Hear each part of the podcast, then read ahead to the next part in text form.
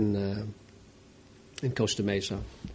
Nou, we gaan vanmorgen verder met Matthäus hoofdstuk 11.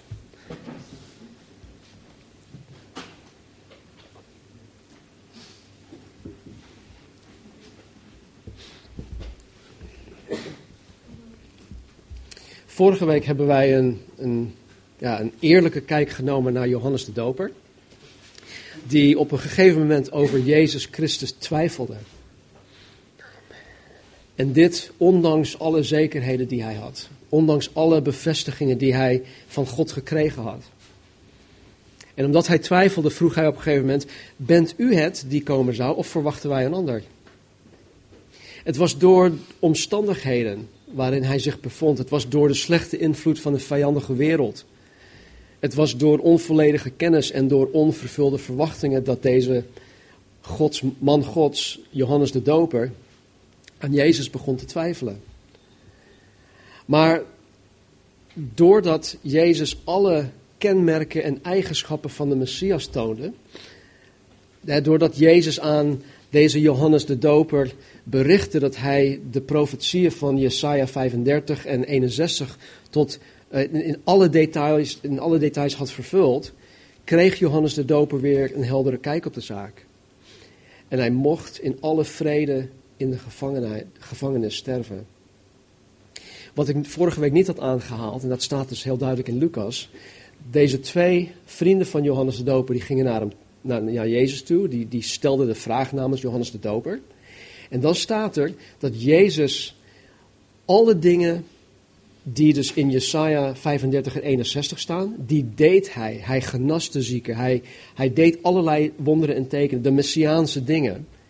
En vervolgens zei hij, kijk, al deze dingen die ik gedaan heb, heb ik nu even voor Johannes de Doper gedaan. Ga terug en bericht het hem. En dus zo ver is Jezus gegaan. Hij is, hij is Johannes de Doper tegemoet gekomen door deze dingen te doen, door zichzelf daarin te laten zien. Nou, vanmorgen gaan we dus verder met Matthäus 11, waarin wij van Jezus zelf te horen krijgen hoe hij één, Johannes de Doper ziet. En twee, hoe wij die in Jezus Christus geloven, hoe wij tegen deze Johannes de Doper opwegen. Dus laten we lezen vanaf vers 7. Toen deze weggingen, begon Jezus tegen de menigte te zeggen over Johannes. Waar bent u in de woestijn naar gaan kijken? Naar een riet dat door de wind heen en weer bewogen wordt? Maar waar, waar, waar bent u dan naar gaan kijken? Naar iemand in kostbare kleding gekleed? Zie, zij die kostbare kleding dragen, zijn in de huizen van de koningen. Maar waar bent u dan naar gaan kijken? Naar een profeet? Ja, ik zeg u zelfs naar veel meer dan een profeet. Want hij is het over wie geschreven staat. Zie, ik zend mijn engel of mijn bode voor uw aangezicht, die voor u uit uw weg gereed zal maken. Voorwaar ik zeg u, onder hen die uit vrouwen geboren zijn, is niemand opgestaan die groter is dan Johannes de Doper. Maar wie de minste is in het koninkrijk der hemelen, is groter dan hij. En van de dagen van Johannes de Doper af tot nu toe wordt het koninkrijk der hemelen geweld aangedaan. En geweldenaars grijpen het. Want al de profeten en de wet hebben tot Johannes toe geprofeteerd. En als u het wilt aannemen, hij is Elia die komen zou. Wie oren heeft om te horen, laat hij horen. Tot. Ik weet niet hoe ver we vanmorgen komen, maar um, als we verder gaan, dan lezen we dat straks wel. Nou, in het vorige gedeelte kwamen de vrienden van Johannes de Doper naar Jezus toe. En die stelden Jezus de vraag. Maar goed, nu deze twee weggingen, richt Jezus zich ineens tot de mensen die overgebleven waren. En dat was de menigte. In Matthäus, in Matthäus 3 lazen wij dat mensen uit heel Jeruzalem, uit heel Judea en het land rondom de Jordaan naar Johannes de Doper toe kwam om um, naar hem te luisteren. En want Johannes de Doper die predikte in Judea en hij doopte mensen in de Jordaan. En hier in vers 7 vraagt Jezus aan, aan dus deze mensen die dus al naar Johannes de Doper zijn geweest. Hij stelt de vraag aan deze mensen waarom zij zo'n verre reis naar de woestijn gemaakt hebben. Zijn jullie naar de woestijn gegaan om naar een, een riet te kijken die door de wind heen en weer geslingerd wordt? Hij gebruikt hier beeldspraak. En een riet dat door de wind heen en weer bewogen wordt, spreekt van iemand die wispelturig is. Het spreekt van iemand die continu van gedachten verandert, continu van overtuiging of die van positie verandert. Dus de vraag is: zijn jullie naar de woestijn toegegaan om naar een wispelturig mens te kijken? Zijn jullie naar de woestijn toegegaan om naar een onbestendig mens te luisteren? Nou, dit is natuurlijk een, een retorische vraag, dus het antwoord hierop is nee. Natuurlijk zijn jullie niet naar de woestijn toegegaan om naar een wispelturig mens te luisteren. Laten we even naar, um, naar Lucas toe gaan. Lucas hoofdstuk 1. En daarna komen we terug naar uh, Matthäus hoofdstuk 11. Dus Lucas hoofdstuk 1. En dan vanaf vers 5. In de dagen van Herodes, de koning van Judea, was er een priester van de afdeling van Abia, van wie de naam Zacharias was.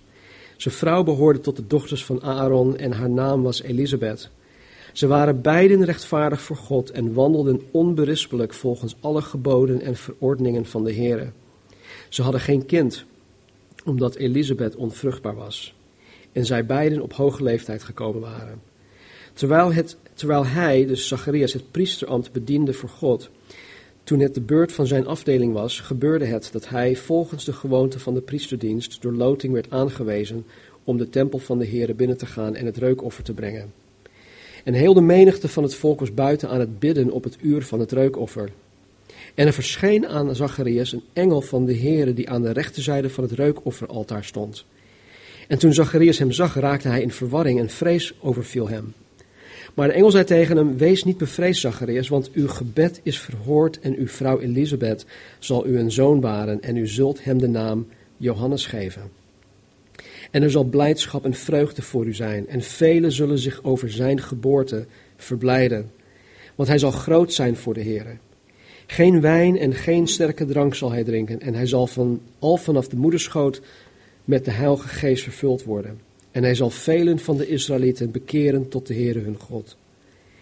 En hij zal voor hem uitgaan in de geest en de kracht van Elia, om het hart van de vaderen te bekeren tot de kinderen, en de ongehoorzamen tot de bedachtzaamheid van de rechtvaardigen, om voor de Heere een toegerust volk gereed te maken. Tot zover.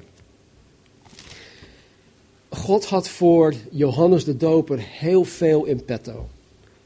Dat staat hier. Zelfs zoveel dat hij de engel Gabriel naar zijn vader toestuurde om het hem bekend te maken. Terwijl, hij, terwijl Elisabeth nog niet eens zwanger was. Terwijl ze al op leeftijd was. Terwijl ze onvruchtbaar was. En als je de roeping van God op zijn leven bestudeert, als je zijn, zijn bediening en zijn leven volgt, dan zal je zien dat Johannes de Doper absoluut geen wispelturig mens was. Daarentegen was hij heel standvastig. En behalve het feit dat hij op een gegeven moment over Jezus twijfelde, heeft Johannes de Doper zijn leven en zijn bediening tot in de kleinste detail naar Gods wil en weg uitgevoerd. Hij was standvastig. Hij was vol vuur van de dingen van God. Hij wist ook heel goed wie hij was. Hij wist uh, wat zijn plaats was hier op aarde. Hij was daar zeker van. Hij was ook zeker van zichzelf. Hij was zeker van de enige echte God die hem geroepen en gekozen had. Hebben wij die zekerheid? Weet jij dat je door God geroepen bent? Weet jij dat God jou voor iets specifieks geroepen heeft? Hij had die zekerheid. Waar bent u in de woestijn naar gaan kijken? Naar een riet dat door de wind heen en weer bewogen wordt? Nee dus. Vers 8. Maar waar bent u dan naar gaan kijken? Naar iemand in kostbare kleding gekleed? Zie, zij die de kostbare kleding dragen zijn in de huizen van de koningen. Nou, volgens Matthäus, hoofdstuk 3, vers 4, had Johannes de Doper kleding van kameelhaar. Nou, dit is niet de luxe kameelhaarkleding die vandaag de dag te krijgen is want ze hebben vandaag nog hele mooie kameelharenjasjes en jurkjes en sweaters en eh, dat soort dingen. Nou, dat bedoelt de Bijbel hier niet mee. Het was eigenlijk meer een stuk kamelenvacht. het was ruw, het was um, hard, het woog waarschijnlijk een hoop, misschien stonk het zelfs. Het was niet comfortabel. En Johannes de Doper was een Nazireër. Dan moet je dit niet in verwarring brengen met Jezus uit Nazareth, want hij wordt een Nazarener genoemd, maar Nazireër is weer iets anders. Een Nazireër is iemand die een gelofte aan God had gedaan om zich geheel aan God te wijden. En een Nazireër dronk geen wijn of sterke drank. En als je geen wijn of andere sterke drank drinkt, dan, ja, dan ga je sowieso niet naar feestjes en, en, etentjes. Je wordt dan ook niet uitgenodigd, want ze weten hoe je bent. En, dus al die dingen die gaan je dan voorbij. En een Nazireër mocht zijn haar ook niet knippen of kammen. dus ik, hij was de eerste Rasta. Nee, hij, hij, had waarschijnlijk, hij had waarschijnlijk allerlei dreadlocks. En ik heb foto's gezien van de, de Bedouinen in, in, in de woestijn, die dan nooit hun haar hebben geknipt of gekamd. Die hebben zulke lange dreadlocks dat ze, zeg, dat ze die gewoon om, om hun nek heen, heen winden. Hij mocht ook niet in aanraking komen met de doden. Hij mocht zelfs niet, niet, niet onder, een, onder één dak zijn waar een dode lag. Nou, in Bijbelse tijden namen verschillende mensen deze gelofte af, maar meestal voor een uh, bepaalde periode. Meestal voor een aantal weken. Bijvoorbeeld de, de apostel Paulus had dit gedaan in handelingen 1818. Had zijn hoofd kaal geschoren. Omdat hij deze gelofte afnam. Maar deze Johannes de Doper was zijn leven lang een Nazireër. En de enige andere twee mannen in de Bijbel die levenslang Nazireër waren, waren de richter Simson en de profeet Samuel. Nu, al met al was Johannes de Doper, ja, zacht uitgedrukt, een buitenbeentje. Hij ging dwars tegen alle trends in. Hij ging dwars tegen alle religieuze normen en tradities in. Sterker nog, zijn hele levenswijze protesteerde tegen de schijnheiligheid van de religieuze leiders van Israël. Hij ging er echt dwars tegen in. Hij verloochende zichzelf. Hij onthield zich van de luxe van het leven. Zijn voedsel, staat er ook in Matthäus 3, was sprinkhanen en wilde honing. Nou, ik heb gelezen dat sprinkhanen een goede bron van eiwitten is, maar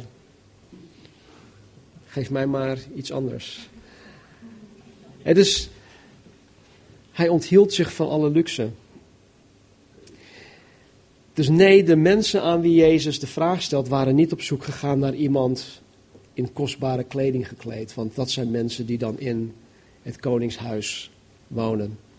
Vers 9, maar waar bent u dan naar gaan kijken? Naar een profeet? Ja, ik zeg u, zelfs veel meer, of zelfs naar veel meer dan een profeet. Want hij is het over wie geschreven staat.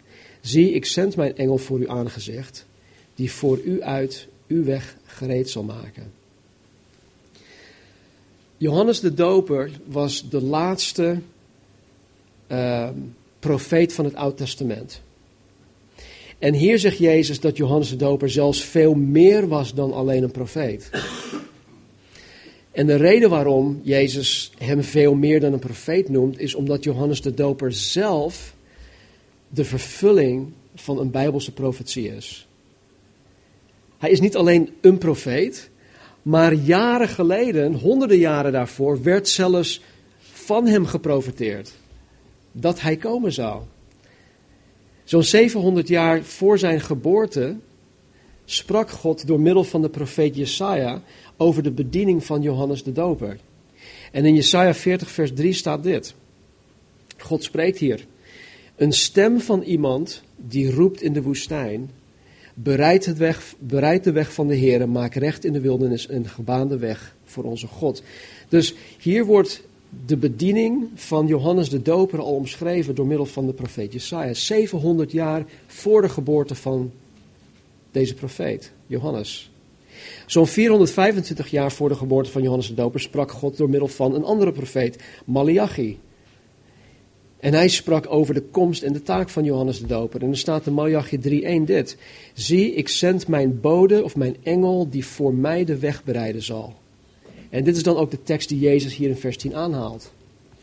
Dus ja, Johannes de Doper was een echte door God uitgezonden profeet die namens God sprak. Dat staat, dat is heel duidelijk. Maar hij was meer dan een profeet, want hij, net zoals Jezus Christus, was een vervulling van een Bijbels profetie.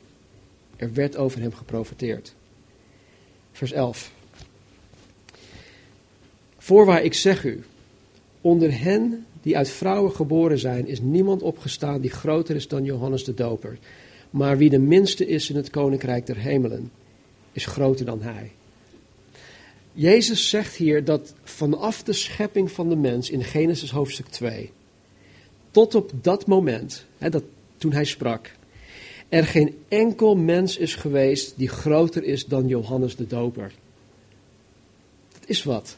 Wat, voor, wat, wat een statement die Jezus dan maakt. En hij bedoelt hier dat, dat Johannes de Doper groter is in de zin van belang en in de zin van, van rang. Jezus zegt dus, dit is echt mindblowing, hij zegt dat Johannes de Doper groter is in belang en rang dan Adam. Hij zegt dat Johannes de Doper groter is in belang en rang dan Abraham, Isaac en Jacob. Groter is dan Jozef. Groter is dan Mozes. Groter is dan koning David. Groter is dan koning Salomo. Groter dan alle profeten van het Oude Testament. Nou, wat maakte hem zo groot? Waarom zei Jezus dit over Johannes de Doper? Wat hem groter maakte dan alle andere grote uit de Bijbel was zijn plaats in de geschiedenis van de mens en zijn taak. God had hem een hele specifieke taak en plaats gegeven. Kijk, vanaf Genesis hoofdstuk 3 tot de tijd van Johannes de Doper wees het gehele Oude Testament naar de komst van de Messias. De komst van Jezus Christus. Alles in de Bijbel wijst naar Christus toe. Alles in het Oude Testament. In Johannes 5:39 sprak Jezus tot een aantal Joden die hem wilden vermoorden. En hij zei tegen hen: U onderzoekt de schriften, oftewel, u onderzoekt het Oude Testament. Want u denkt daardoor eeuwig leven te hebben. En die zijn het juist die van mij getuigen. Jezus zegt hier tegen de Joden dat ondanks dat zij zich zo bezighouden met het bestuderen van het Oude Testament, zij de plank geheel misslaan. En want degene van wie het Oude Testament getuigt, degene naar, naar wie het Oude Testament wijst, die willen zij juist vermoorden. Dus ze, ze zaten er helemaal naast. In Hebreeën 10, vers 7 staat dit. In de boekrol is over mij geschreven om uw wil te doen, o God. Dit is, dit is een citaat uit de psalmen, maar het is een messiaanse uh, psalm. En Jezus zegt hier expliciet dat het gehele Oud Testament om hem draait. Alles draait om Jezus. Alles wijst naar Jezus toe. Dus alhoewel Adam, Abraham, Isaac, Jacob, koning David, alle profeten een essentiële rol hebben gespeeld in het voorbereidend werk van de komst van Jezus, is en blijft Johannes de Doper de grootste, de grootste van allen. Omdat terwijl alles en iedereen in het Oude Testament uitriep dat Jezus zou komen, is Johannes de Doper de enige die bevoorrecht is om een bode te zijn, oftewel een heraut te zijn, die zegt, mensen, luister, de lang verwachte koning, de Messias, Jezus Christus, hij is er. Hij is er, hij is er eindelijk. Zie het lam Gods dat de zonde van de wereld wegneemt. Hij doopte de Messias. Hij zag de hemel opengaan. Hij zag de Heilige Geest neerdalen op, op Jezus. En een stem van God die klonk: Dit is mijn geliefde zoon. En dus Johannes de Doper was zo bevoorrecht om, om Jezus aan de mensen, aan het volk Israël te presenteren. Niet als iets toekomstig, niet als iets dat gewoon uit vertrouwen en, en geloof zou moeten zijn. Nee, hij is er mensen. Kijk, hij is er. Vanuit Gods oogpunt is Johannes de Doper menselijkerwijs de allergrootste. En misschien ben je het hier niet mee eens. Omdat voor jou is iemand anders misschien de allergrootste. Dat kan. En misschien is het Michael Jordan. of uh, Steve Jobs, of Michael Schumacher, of um, Phil Heath. Mr. Olympia. of uh, weet ik veel, Arjen Robben of een andere voetbalheld. En die tientallen miljoen euro's per jaar binnenhalen. Niet verdienen, binnenhalen. Hoe dan ook, het allerbelangrijkste dat Jezus in het gedeelte zegt, heeft eigenlijk niets te maken met de grootheid van Johannes de Doper of de grootheid van, van welk ander mens dan ook. Het heeft te maken met de minste, de geringste in het koninkrijk van God. Hij zegt, voorwaar ik zeg u, onder hen die uit vrouwen geboren zijn, is niemand opgestaan die groter is dan Johannes de Doper. Maar wie de minste is in het koninkrijk der hemelen, is groter dan hij. Jezus zegt hier dat wie je ook maar in deze wereld bent, het zij de rijkste, de meest succesvolle, de meest invloedrijke, de grootste, de minst in het koninkrijk van God is in Gods ogen groter. Punt uit. Wat je in dit leven allemaal bereikt hebt. Eh, geweldig leven, wereldse succes met alle praal en pracht en hoepla status, rijkdom, aanzien enzovoort enzovoort. In Gods economie wegen al deze dingen niet op tegen zelfs de minste, geringste, wedergeboren christen in het koninkrijk van God. Al ben je een Steve Jobs. Geweldige man. Ik ben zeer dankbaar voor zijn leven.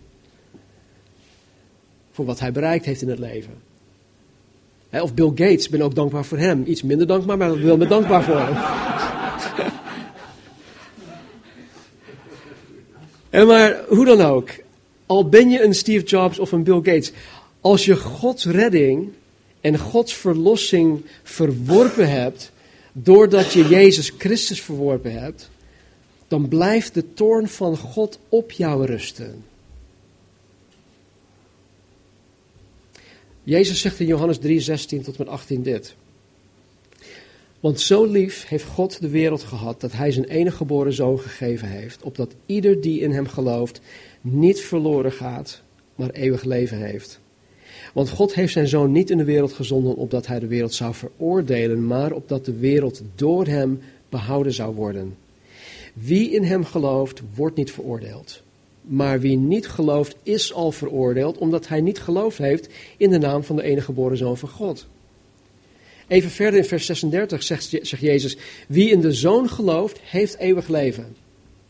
Maar wie de zoon ongehoorzaam is, zal het leven niet zien, maar de toorn van God blijft op hem. Jaren later schrijft Johannes dit in 1 Johannes 5:12. Wie de zoon heeft, heeft het leven. Wie de zoon niet heeft, of wie de zoon van God niet heeft, heeft het leven niet. Het is dus heel simpel. Geen enkele wereldse prestatie zal de mens in staat stellen om een relatie met God aan te kunnen gaan.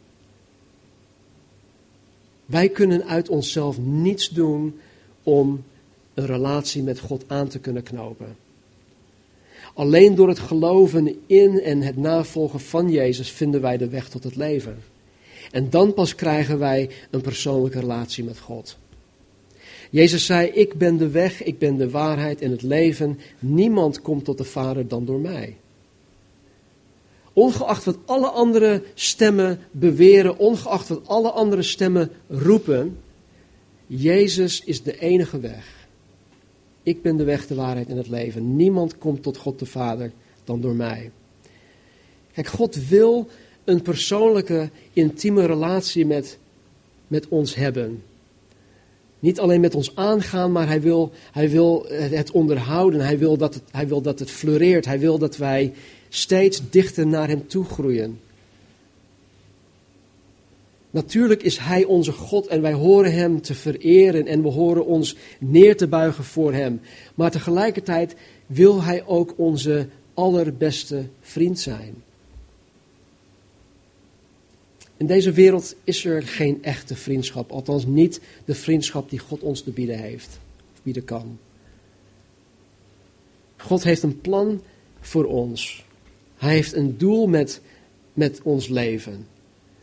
En daarom is zelfs de minste, geringste wedergeboren christen groter in belang en rang dan zelfs de grootste wereldling die Jezus Christus verwerpt. Weet je, als, als echte christen ben ik in Gods ogen groter in belang en rang, omdat ik door mijn geloof in Jezus Christus met Hem verzoend ben. Ik hoor bij Hem. Ik ben met Hem verzoend. Er is geen ruzie meer tussen ons. Er is geen vijandschap meer tussen ons. God en ik hebben nu een vader- en zoonrelatie. Wij gaan met elkaar om. Hij leert mij zijn wegen. Hij beschermt mij. Hij zorgt voor mij. Hij leidt mij. Als ik, als ik niet weet wat ik moet doen, dan ga ik naar Hem toe. Heer, help mij. Geef mij wijsheid. Heer, laat mij zien wat ik moet doen, welke beslissingen ik moet nemen. En dan geeft Hij mij de wijsheid en de kracht om te doen wat Hij het beste vindt. Ondanks dat ik soms ook eigenwijs ben. Ik kan ook altijd bij hem terecht. 24-7. Kijk, ik ben van nature een zondaar. Ik ben God ongehoorzaam geweest. Ik heb tegen God gezondigd. En de Bijbel leert mij dat God in alle rechtvaardigheid mijn zonde moet straffen. Dit is wat, wat we mensen ook horen te vertellen. En de straf voor mijn zonde is de doodstraf. Zo erg is dat. Maar Jezus is, Jezus is 2000 jaar geleden naar de aarde toegekomen om mijn doodstraf op zich te nemen. Hij is in mijn plaats geëxecuteerd. Als hij anno 2013 gekomen was, dan had hij waarschijnlijk of in de elektrische stoel gezeten of dan had hij misschien een spuitje gekregen. Maar hoe dan ook, hij zou in mijn plaats nog steeds gestorven zijn. En ik ben door de kruisiging van Jezus vergeven van al mijn zonden. Ik ben met God verzoend, waardoor ik nu een persoonlijke relatie met God heb, waarin ik God mijn leven geef en waar, waarin God mijn leven tot zijn doel uh, kan gebruiken, tot zijn doeleinde kan gebruiken. Ik ben door Jezus duur gekocht, leert de Bijbel mij. Hij heeft mij met zijn eigen bloed gekocht. En daarom ben ik voor hem in groter in belang en rang dan iemand die Jezus verworpen heeft.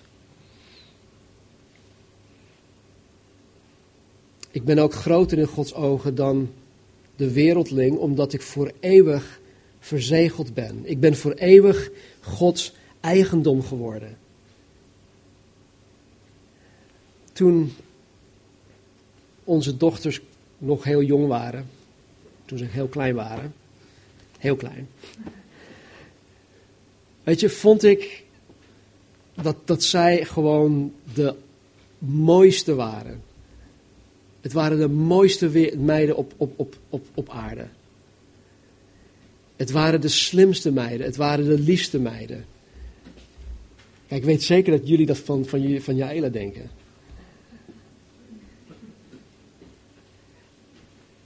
En andere kinderen, nou, die vond ik wel leuk. Maar ja, die van mij waren gewoon veel mooier, veel slimmer en veel liever. En dat heeft puur te maken met het feit dat zij van mij waren. Ze zijn van mij. Het zijn mijn dochters. Het zijn onze dochters. En ik geloof dat God zich ontzettend verblijdt om het feit dat ik zijn zoon ben. En dat heeft niets met mij te maken. Maar het heeft alles met hem te maken. God is blij met mij. God is zo blij dat ik zijn zoon ben, dat ik hem toebehoor.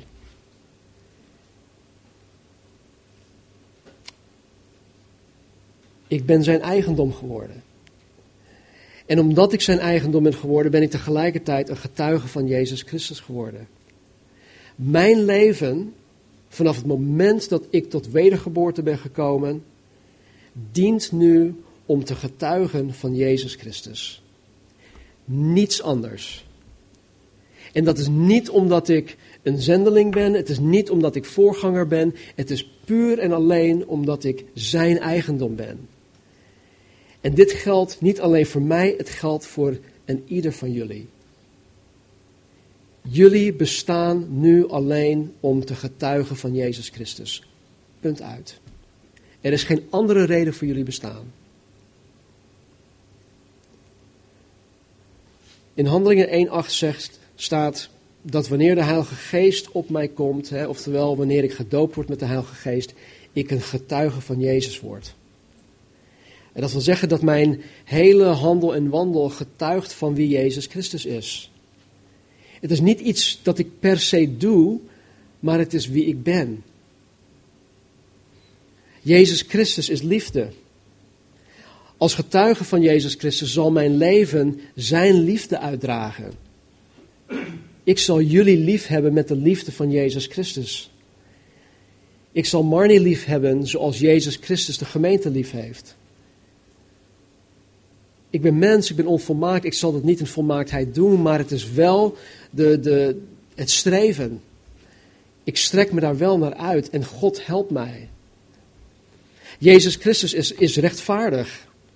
En als getuige van Jezus Christus zal ik rechtvaardig zijn. Ik zal in alles trachten rechtvaardig te zijn. Jezus is genadig. En als getuige zal ik niet alleen zijn genade willen ontvangen, maar ik zal vooral genadig zijn jegens anderen.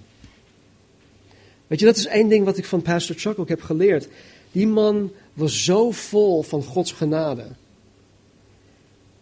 Enerzijds vol van Gods genade omdat hij wist wat Gods genade voor hem zelf betekende. En omdat hij wist wat Gods genade voor hem betekende, was hij juist ook genadig jegens anderen. En ik heb het wel eens met, met, met enkele van jullie gedeeld. Als ik ooit de fout zou moeten maken in het beslissen tussen genade schenken of iemand met bijbelteksten om zijn oren slaan omdat ze het verdienen. want dat, dat, dat is een realiteit.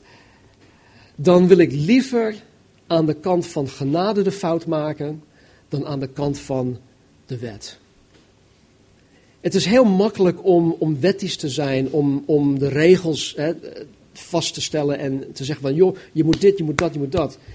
En als je dat niet doet, dan, dan zijn er, dan zijn er gevolgen. Natuurlijk is dat zo.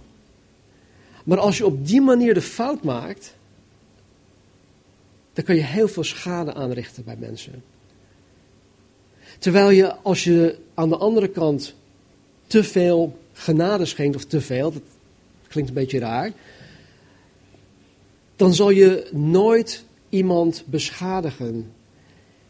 Het, het, is, het staat ook in de Bijbel, ehm, in het Engels staat er, it's your kindness that leads us to repentance. Het is, Gods goedheid dat ons tot bekering brengt. Dus het is beter als wij meer genadig zijn dan dat wij te corrigerend of te wettisch zijn. Dus Jezus is genadig. Jezus is, is, gekomen om het evangelie, het goede nieuws te brengen. En als, en als getuige zal ik mij geheel inzetten om het evangelie met iedereen te delen. En doordat ik vervuld ben met de Heilige Geest, ben ik voor God een vruchtdragend middel geworden.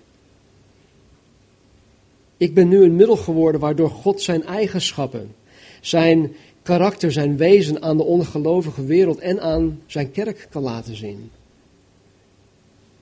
Jezus zei tegen Filippus op een gegeven moment: Als je mij hebt gezien, dan heb je God de Vader gezien. Nou, zo hoort het eigenlijk ook met ons te zijn. Ik moet zo in tune zijn met Jezus Christus dat als iemand mij vraagt van joh, laat mij God dan zien. Kijk naar mijn leven. Ik wil jou Jezus laten zien. Als christen ben ik in Gods ogen groter dan een wereldling, omdat ik nu door God in staat ben gesteld om het werk van Jezus Christus hier op aarde voor te zetten. Ik word door God in staat gesteld om zijn werk hier op aarde voor te zetten. Ik ben nu een arbeider in de oogst. Ik hoop dat jullie bidden, o Heere, breng arbeiders voor deze grote oogst. Begin met mij. Ik ben een arbeider geworden in de oogst. Ik ben nu een levende bouwsteen om zijn gemeente te bouwen. Ik ben nu een belangrijk onderdeel in het uitbreiden van zijn koninkrijk hier op aarde. Kortom, als christen zijnde ben ik groter dan Johannes de Doper, omdat God mij door het evangelie in staat heeft gesteld om veel meer voor Gods koninkrijk te kunnen doen. Johannes de Doper heeft een hele belangrijke taak gehad. Heeft veel mensen tot God geleid. Maar dat was nog voor het evangelie. En natuurlijk is Johannes de Doper ook gered, maar in Gods ogen was hij kleiner omdat hij nog tot de, tot de, beperkte, de, de, de beperkte tijdsbedeling van het Oude Testament behoorde. Hij was niet zoals wij nu kunnen zijn in Christus. Weet je, we zijn zo bevoorrecht. Zo bevoorrecht. Door het bloed van Jezus ben ik geheel vergeven van al mijn zonden. Al mijn zonden. Wat ik in het verleden allemaal heb gedaan, wat ik vandaag heb gedaan, wat ik vandaag nog doe, wat ik in de toekomst nog zal gaan doen, die zijn allemaal vergeven. Allemaal. God rekent mij mijn zonde niet toe.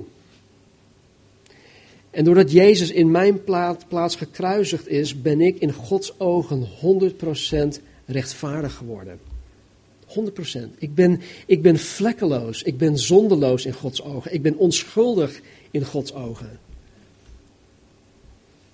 En dan niet alleen onschuldig vanuit een juridisch oogpunt, maar God is bij macht om ook al mijn schuldgevoelens weg te nemen.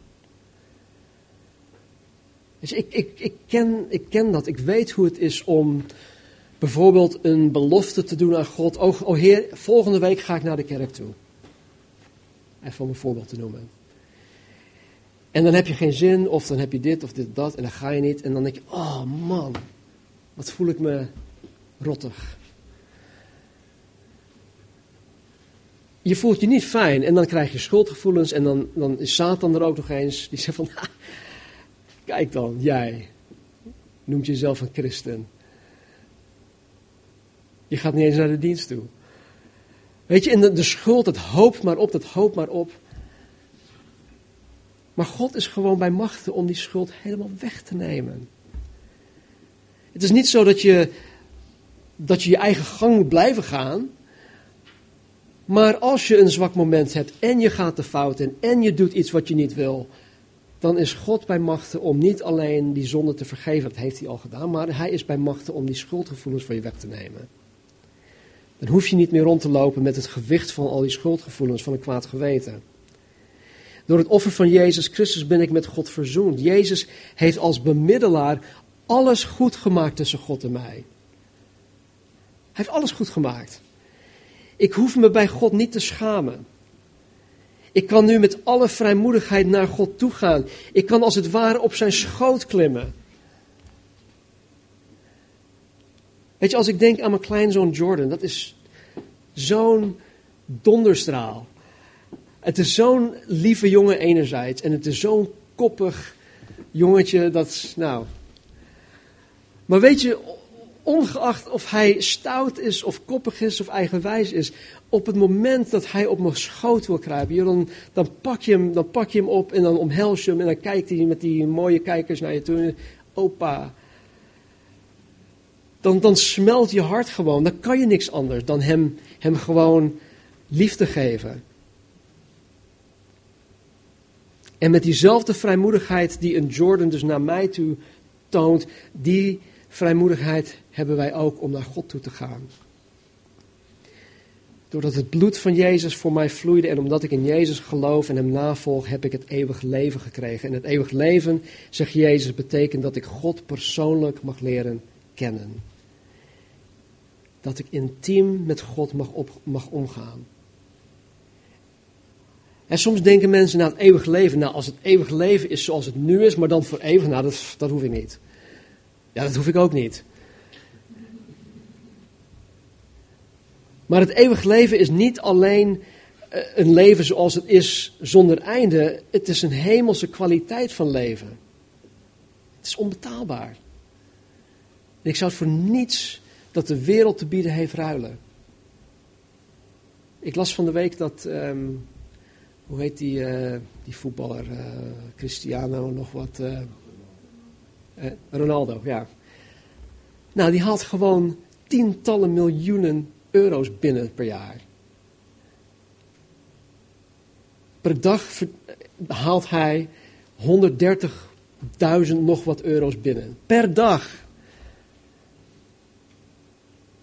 Maar weet je, ik zou, ik zou het niet, ik zou mijn leven niet voor zijn leven willen ruilen. Zonder Jezus Christus. Absoluut niet. Wanneer wij zometeen het heilige avondmaal gaan nuttigen, laten we stilstaan bij de rijkdommen die wij in Jezus Christus hebben mogen ontvangen. En als je in Jezus Christus met heel je hart gelooft, neem gewoon deel aan het heilige avondmaal.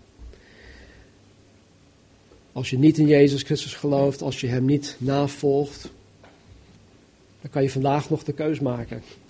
Zo simpel ligt dat. Maak dan de keus om jezelf over te geven aan Hem. Misschien heb je voor je gevoel het afgelopen weken verknald. Misschien denk je van, nou, nou, ik ben het niet waard om heilige avondmaal te nemen. Wie is het dan wel waard? Seriously, wie is het wel waard? Daarom is Jezus gekomen. Laten we bidden. Vader, dank u wel, Heer, dat wij zo bevoorrecht zijn. Heer, dat u ons groter acht dan Johannes de Doper. Dat u ons groter acht, Heer, dan iedere wereldling die u verwerpt. Dank u wel, Jezus, voor het bloed dat gevloeid heeft voor mij, Heer, dat u zo ver gegaan bent om mij te redden.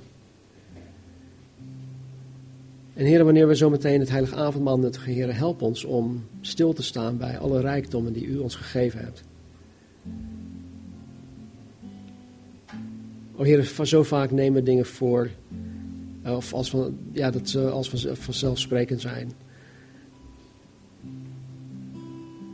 Maar Heer, niets is vanzelfsprekend. Zeker niet wie u bent en zeker niet wat u voor ons gedaan heeft. Dus Heer, dring tot ons door vanmorgen. En help ons onszelf te zien door uw ogen. Als iets kostbaar. Uw eigendom. Heer, waar we het misschien de afgelopen dagen of weken of maanden verknald hebben, Heer.